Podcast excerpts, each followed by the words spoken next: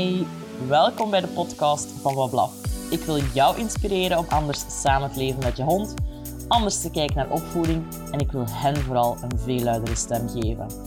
Vind je de content leuk? Vergeet zeker niet te delen en laat je reacties na op social media, at Wablaf. Ik wil alles horen.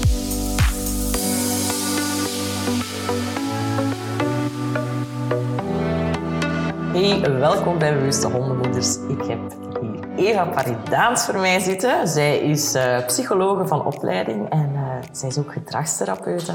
Zij heeft een eigen zaak, huisdierengedrag in Duffel. En ik mag met haar praten over de vergelijkingen tussen mens en dier qua, ja, qua psychische problematiek.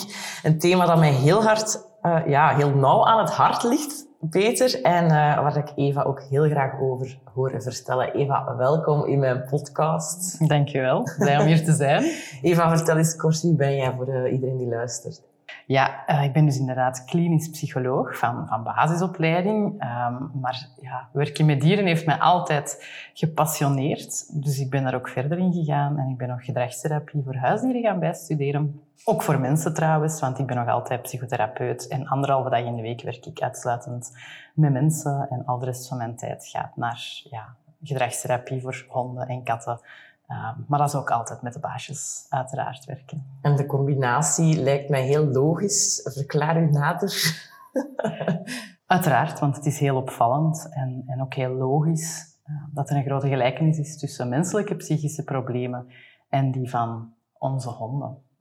De biologie erachter, dat is iets wat de meeste mensen wel weten, denk ik, is, uh, is al grotendeels gelijkaardig. Hè. Ons hele stresssysteem, maar ook ons fight-flight systeem, ons sympathisch zenuwstelsel. Als we ergens angst ervaren of we denken er is dreiging, er is een beer, dan, dan, dan worden we geactiveerd hè, om ja. te vechten of te vluchten uh, of om te bevriezen. Uh, dus dat is, dat is inderdaad heel gelijkaardig tussen ons mensen en, en die van onze huisdieren en, en onze honden in, in, in bijzonder. Maar ook de hormonen die vrijkomen, hè. adrenaline, die, die wordt aangemaakt om heel dat uh, fight-flight systeem in actie te zetten. En ook de hormonen op langere termijn, hè, ons stresssysteem, op langere termijn, cortisol, wordt geactiveerd. Dat is heel gelijkaardig. En we zien ook, um, als we het nu echt enkel over angst gaan hebben, dat zo alle soorten angsten bij mensen ook terugkomen bij onze honden. Bijvoorbeeld een enkelvoudige fobie, Um, dat is een, een, een, angst voor één enkel ding. Ik denk dat bij mensen okay.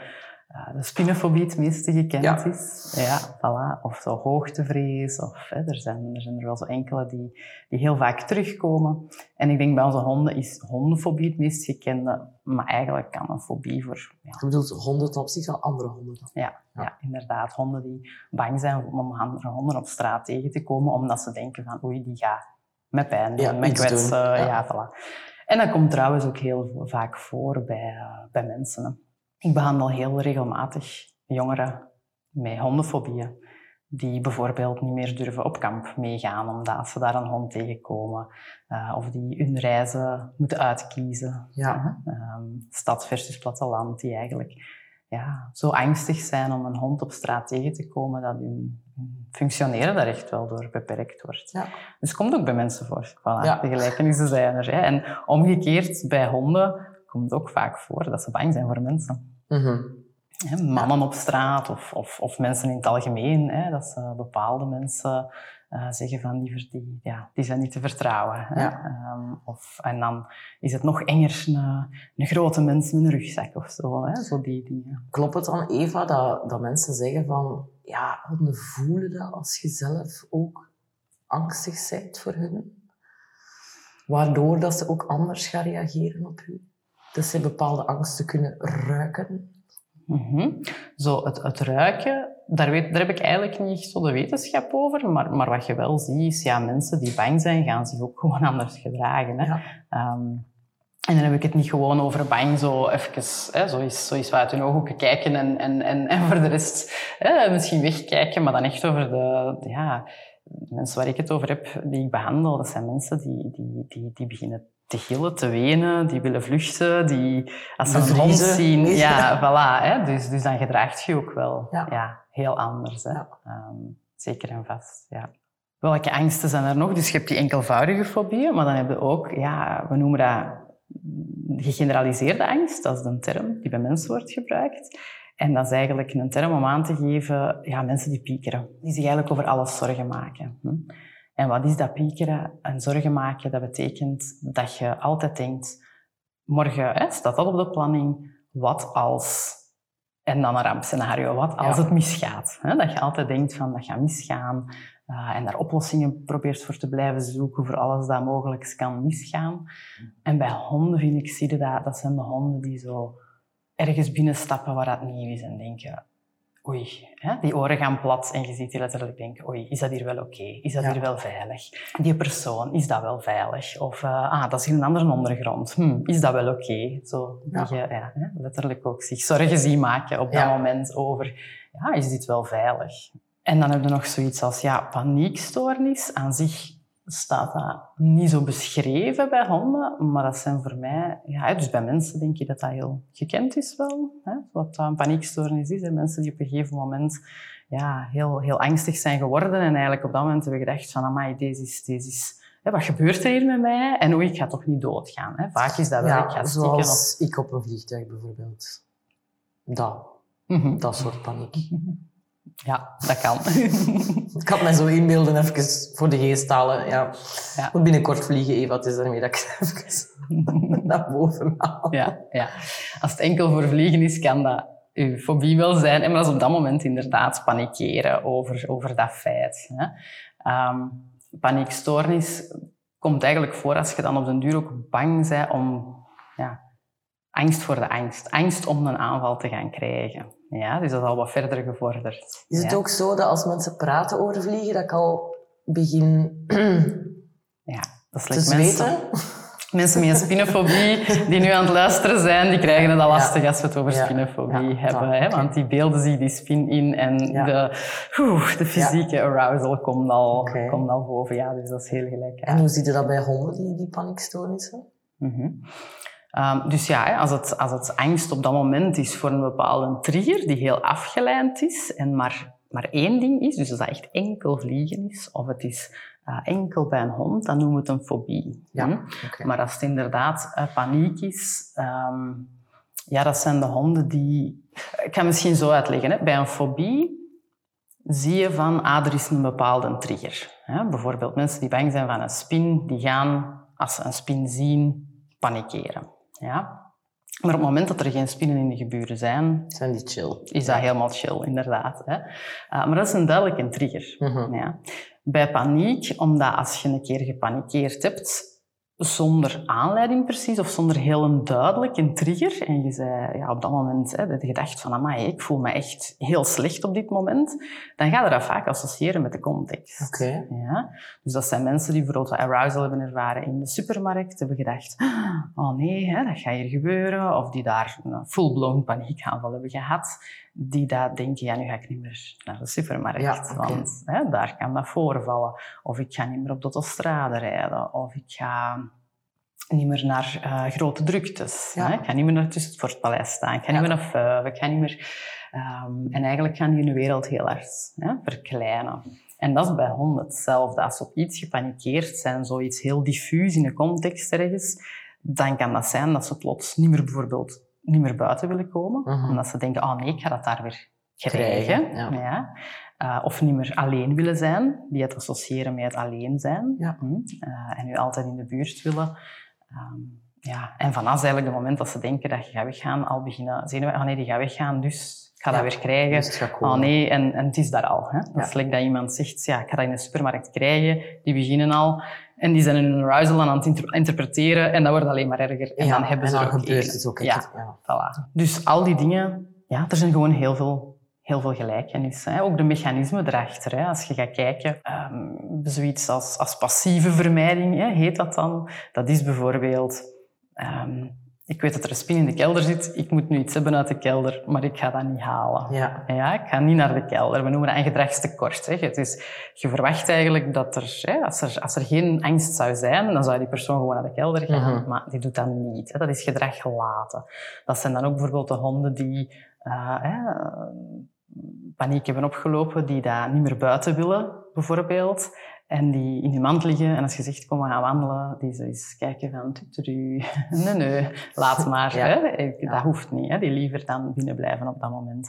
Of die een bepaalde straat of, of een bepaald iets associëren met, hè, daar is weer gevaar. Dus die, als je dan die straat wilt ingaan, volledig blokkeren en Ja. zeggen, nee, nee. Andere kant op. Dus dat is passieve vermijding. Of bijvoorbeeld eh, iemand met een hondenfobie, wat ik er straks zei, hè, die, die, die, die, dat meisje dat dan niet meer op kamp gaat. Ja. Hè? Die zegt van... Niet meer naar Turkije reizen bijvoorbeeld. Ja, ja voilà, want daar lopen honden los. Ja. Hè? Dus dat is een no-go. Ja. Hè? Dus, eh, en dan heb je zoiets als actieve vermijding. En dat is eigenlijk gedrag dat je niet verwacht. Of dat dat normaal niet zou zijn. Dus gedrag dat extra is. Hè? Het, de mens eh, gaat iets extra doen om het te vermijden. Of de hond gaat iets extra doen om te vermijden. Bijvoorbeeld een hond die bang heeft van andere honden. Die eh, gaat uitvallen, blaffen, grommen, oh, veel lawaai maken. Om eigenlijk te voorkomen zijn angst dat die andere hond hem zou aanvallen. Ja. Ja, dus dat noemen we actieve vermijding. Heel conflicterend gedrag ook, hè, vaak. Dat ze het eigenlijk precies zelf opzoeken Mhm, en uitlokken op, op Ja, een of andere ja. manier. En dat je denkt van, oh god. Ga nu gewoon in een grote boog weg. ja. Ja. Maar dat is vaak ook, volgens mij, omdat ze geleerd hebben, kan je aan de lijn, als ik niks doe, gaan mensen ook gewoon recht op die andere hond af. Want je passeert heel vaak op straat. Ja. Dus, dus ja, ze, ze moeten wel iets doen. Ja. Ja. Dat is zoals als je bang hebt van een spin. En ja, spinnen doen dat trouwens niet. Hè. Dat leren we in spinnenfobie, dat spinnen niet op je afkomen en op je hoofd komen gesprongen. Maar goed, ehm, datzelfde moest inderdaad bij iemand met een spinnenfobie, met een spin afkomen en die recht voor die neus zetten. Ja, die gaan gillen, lopen, die gaan er misschien op kloppen, die gaan hun schoen uitdoen en Ja, die dood, doodmeppen is ook actieve vermijding. Ja. Want als je geen angst zou hebben, zou je dat beest gewoon laten lopen. Ja. Hè? Dus het feit dat je dat wilt dooddoen, is... Het moet weg. Ja? Ja. Ehm, dat noemen we inderdaad actieve, actieve vermijding. Nu, ik kom al een beetje op het punt zo. Hè? Dat vind ik ook nog wel een belangrijke om te zeggen. Dat aan mensen kan je dat uitleggen. Mhm. In die zin is mijn job veel makkelijker, vaak toch wel, met mensen. Omdat je hen kan uitleggen van, kijk, dit is er met jou aan de hand. Ja. Ja? En, en, en, en ja, ze, kunnen, ze komen omdat ze gemotiveerd zijn. Hè? Er komt iemand zeggen, ah, Eva, ik heb een hondenfobie en ik wil daar ook vanaf. En dan kun je uitleggen hè, hoe dat, dat komt, wat dat er in hun hersenen allemaal gebeurt, hè, dat dat een fight-flight is, dat hun alarmcentrale afgaat, hè, misschien wat te vaak, want een hond is niet gevaarlijk. In de meeste gevallen, hè, dat Ja. wel. Ehm, en dat we gaan leren van die alarmcentrale wat minder vaak te laten afgaan. Hm? Maar dat we dat gaan doen door met honden in contact te komen en te leren van, kijk, eigenlijk is dat best oké. Ja. Zodanig dat die hersenpan een beetje geherprogrammeerd wordt. Hè? Om niet continu als alarm af te gaan. Er staat geen beer voor u, hè? je moet niet gaan lopen. Dus die zeggen, oké, is goed, doe maar. Hè? En dan Ja. gaan we een beetje een stappenplan uitwerken van wat zie je zitten. Hè? Mhm. Dat zijn de stapjes dat je ziet zitten, ook met een spinnenfobie. Dat zal eerst in een potje zijn, een goed afgesloten potje, waar dat hij zeker niet uit kan. Hè? Het is een beetje zoals dat we bij de honden dan eigenlijk een eerste stap gaan zetten in... We gaan die gedragstherapie starten met honden op een hele veilige afstand. Ja. Want daar is het ook zo dat die honden die keuze niet hebben. Ja. Die honden komen hier niet aan de deur staan en zeggen hey, joe, Eva, ik heb een Ik vind het hondenfobie. wel ambetant zo. Voilà. Ja. Ja, help mij. Hè. Nee, wij gaan dat met hen doen en eigenlijk weten zij niet dat wij dat gaan doen om hen te helpen. Dus Ja. je moet nog iets meer veiligheid inbouwen Inbouwen. in het begin, Mhm. dat die honden doorhebben van ah, oké, maar het is hier blijkbaar wel oké als we het op deze manier doen en, en zo stapjes kunnen zetten. Ja. Hè. Want ze kunnen inderdaad, ze zijn niet gemotiveerd per se en ze kunnen geen toestemming geven. Dus dat maakt het, ja, dat je de baasjes het wel heel goed moet uitleggen dat vind ik van, van ja, hè, diezelfde principes, dat zij kunnen begrijpen Ja. waarom het zo belangrijk is om een goed management te hebben en tegelijk heel gestructureerd te proberen dat op te bouwen. En het leven is dan nog eens geen labo, hè, dus, dus dat is ook nog soms lastig. Ja. Maar al die dingen, al die dingen mee te pakken. Hè. Ja. Zeg, en als je dan kijkt naar... Want ja, ik kom natuurlijk ook heel vaak in contact met honden, waarbij dat we eigenlijk... Ja, waar mensen staan te popen om daarmee aan de slag te gaan. En dat ik ook even op de rem moet gaan staan van... Oh, Mhm, mhm. net zoals dat je juist benoemd hebt, we kunnen geen toestemming vragen. Zij weten niet wat er met hun gaat gebeuren. Maar ook, ja, voor sommige honden kan het ook gewoon niet direct. Hè. Ik, ik veronderstel voor sommige mensen dat het ook geen optie is om direct die spin in dat potje voor hun neus te zetten. Nee, hè. Het is eigenlijk altijd belangrijk om te gaan kijken van ja, over, over wat hebben we het hier? Hè? Wat, wat, is het geheel van die persoon? Hè? Want spinnenfobie is eigenlijk maar een klacht. hè? Mhm. Of, of ik ben bang voor spinnen.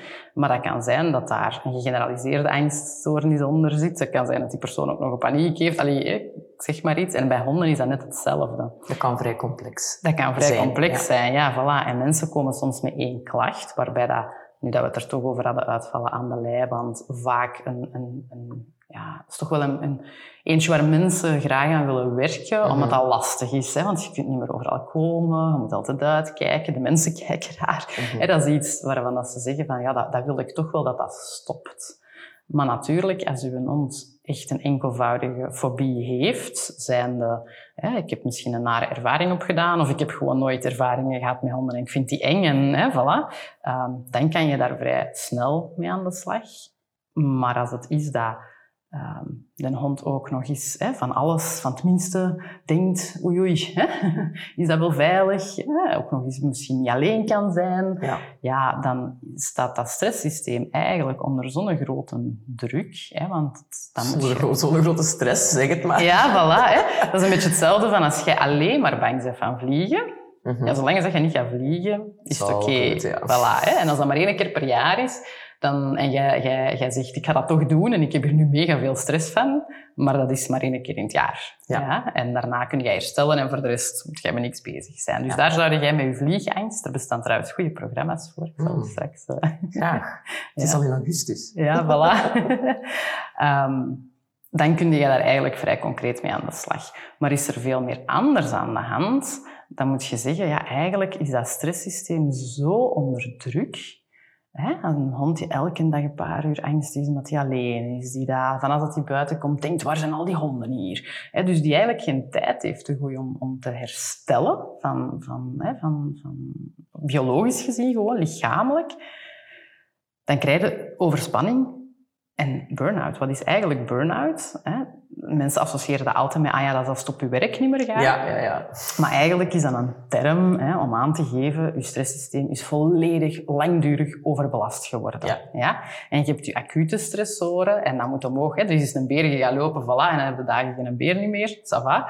Maar als dat continu, hè, die acute en die chronische stressoren boven je stressweerbaarheidsgrens gaan, heel je feedbackmechanismen in je lichaam, allee, alles gaat, een beetje, gaat er een beetje aan kapot. Hè. Mhm. En je moet je dat voorstellen, zoiets dat er een stressweerbaarheidsgrens is en die zakt op dat moment. Ja. En dat wil eigenlijk zeggen, dat zijn mensen die zeggen, een boek lezen, kan me daar niet meer op focussen. hè. Ik moet altijd teruggaan. Ehm, ik doe een afwas en ik moet een uur in de zetel gaan liggen. Ja. Gewoon het minste eigenlijk is, ga jij boven die stressweerbaarheidsgrens. Ja. Hè? En dat is bij honden juist hetzelfde. Dat kan ook overbelast zijn en die stressweerbaarheidsgrens kan ook zakken, waardoor dat minste prikkel eigenlijk te veel is. Ja. En dan zijn die niet in staat om iets nieuws te leren. Dan, dan moet je daar niet mee gaan aan de slag gaan. Dan moet je zorgen dat je vier tot zes weken alle prikkels even managt, dat die tot rust kunnen komen. Hè? Eerst rust en dan de rest, zeg ik Ja. altijd. Ehm, en dan pas kun je gaan kijken, waar gaan we nu mee starten? Maar dat dier is niet in staat om op dat moment iets nieuws te leren. Dus dat is gewoon echt letterlijk burn-out. Eerste paar weken herstel, fysiek, lichamelijk herstel. En de rest komt later. Oh, Eva, ik ben zo blij dat de psychologen dit nogmaals bevestigt. Ja, ja. is- Eh, hoe belangrijk dat dat is. Hè? Mhm.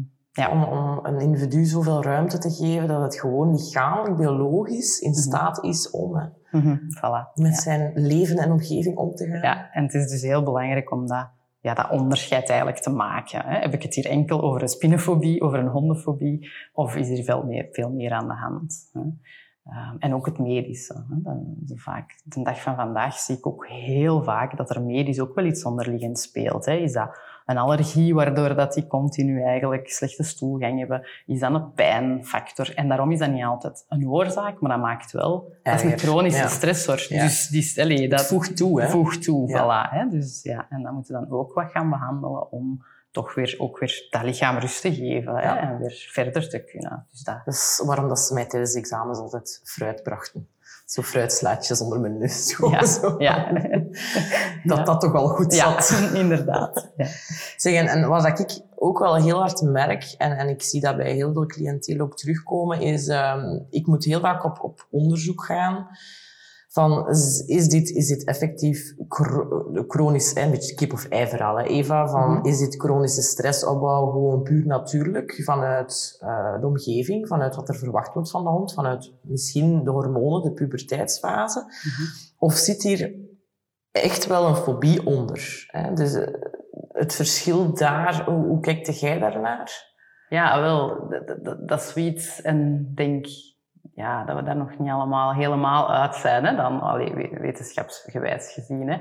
Um, ik denk dat er zeker honden zijn die vanuit hun, dat is bij mensen ook zo, vanuit hun hè, DNA um, minder gewoon kunnen met prikkels, uh -huh. ja, mhm. of die anders verwerken. Um, maar ik vind het toch wel inderdaad belangrijk om te gaan kijken of, of dat iets is dat er al van pup af aan aanwezig is. Hè. Dus heel goede tijdlijn te maken. Uiteraard kan het ook zijn dat een pup van, allez, van pup af aan overprikkeld is. Hè. Dat mensen er te veel mee gedaan hebben. Waardoor je ook weer een overbelasting krijgt ja. van het stresssysteem. Maar dat je toch een beetje de tijdlijn gaat maken ook. Ga kijken van inderdaad, hè, wat is er allemaal aan de hand van, van angsten of van medische problemen. Om het onderscheid te maken van ja, is het een stukje van, van nature uit, zullen we het dan zeggen? Of is dit een toestand? Hè? Is, ja. het, is het een is het een eigenschap van dat dier of is het een toestand waar hij zich nu in bevindt omdat dat het zich heeft opgehoopt? En hè, dat is um, denk ik inderdaad belangrijk. Wat maar niet gemakkelijk. Nee, niet gemakkelijk. Wat doen we daar dan mee, Eva? Ik denk dat wij het antwoord weten, maar ik denk dat het wel interessant is voor, voor de mensen die luisteren. Van ja, welke stap zet je dan? Ja, eerst en vooral denk ik dat het belangrijk is om hulp daarin te zoeken. Hè? Want allee, dat, is, niet evident om dat op je eentje te gaan uitzoeken van wat is hier hè, nu aan de hand. Um, hulp zoeken van een goede professional um, die mee met aan, door de juiste vragen te stellen, hè, mee, mee dat kan, kan gaan uitzoeken. Hè? En inderdaad dan gaan kijken, is het hier enkelvoudig? Is hier meervoudig? Is er meer aan de hand? Ik vind ook heel belangrijk dat mensen taal leren van hun hond. Dat is voor mij nog altijd een van de basispijlers, dat ze zelf kunnen zien hoe lang of hoe vaak dat hun hond per dag zich in stress ja. bevindt. Um, ja. Ehm, en ook om het ja, naar preventie toe. Hè. Ik, ik, ga ook in al mijn, alle, alle eigenaren die bij mij passeren krijgen een, een, een, een les over lichaamstaal, omdat ik dat zo belangrijk vind dat je het herkent als je een hond denkt hmm. Ja? Want ja. het begint vaak met, hmm, is het hier wel veilig? Maar vaak komen mensen pas als het al helemaal geëscaleerd is mm -hmm. en als er al heel er leergeschiedenis en als er al heel wat stress hè, achter zit. En, en, dat vind ik toch wel belangrijk. Ja. Ik begin het wel straks aan te merken, zeker ook bij de pub-eigenaren waar ik, waar ik bij kom, um, dat ze er zich wel bewuster van worden van ik, ik wil wel van in het begin goed leren aanvoelen en, en die hond leren kennen van waar liggen die grenzen neer. Mm -hmm. Dus dat is wel super fijn om te ervaren al. Mm -hmm. Dat veel meer mensen daar echt wel bewust mee bezig zijn ook. Ja. Met dat luikje. Ja. En niet alleen van hoe leer ik me zitten aan en me liggen, ja. en, hè, maar ook echt met dat luikje van wie zijde jij? Waar ligt uw, hè, uw weerbaarheidsgrens? Of, dus dat is wel een fijne ervaring, dat ik dat meer en meer begin te zien. Inderdaad, wat vind jij leuk? Wat ontspant u? Wat ja. ontstresst u? Wat geeft je mentale uitdaging? Maar ook, waar, waar zitten uw kwetsbaarheden? En, en, hè, want het zijn allemaal individu's. Hè? Ja. Dat, is, dat is met ons kinderen. Hè? Het, is, het is gewoon... Ja, het zijn ook daar zou een um, cursus lichaamstaal misschien soms handig kunnen zijn. Inderdaad. Toch? Ja. En er zijn veel dingen gelijk. Hè. Dat gaat voor ons subtiele, maar zelfs allee, ja, heel uitdrukkelijke stresssignalen. Ik denk zoiets simpel als een keer krabben omdat je nadenkt, dat doe ik ook. Dat doen mm -hmm. onze honden ook. Geeuwen. Ja. Als ik te veel, uh, als ik te veel uh, ja, dingen op een lijstje zet om te doen, dan begin ik met een man te geven. Dat is ook stress. kan ook een beetje kip of ei verhaal zijn, Eva. um, ik wil u heel, heel hard bedanken voor het gesprek. Ik vond het super interessant om even dieper in, in ja, die gemeenschappelijke biologie te duiken met u. En uh, ja, ik hoop u te ontmoeten. Ja, graag gedaan. Tot de volgende. Bedankt om te luisteren. Nu nog iets meer naar onze honden en dan zijn we op weg naar een betere wereld. Salut!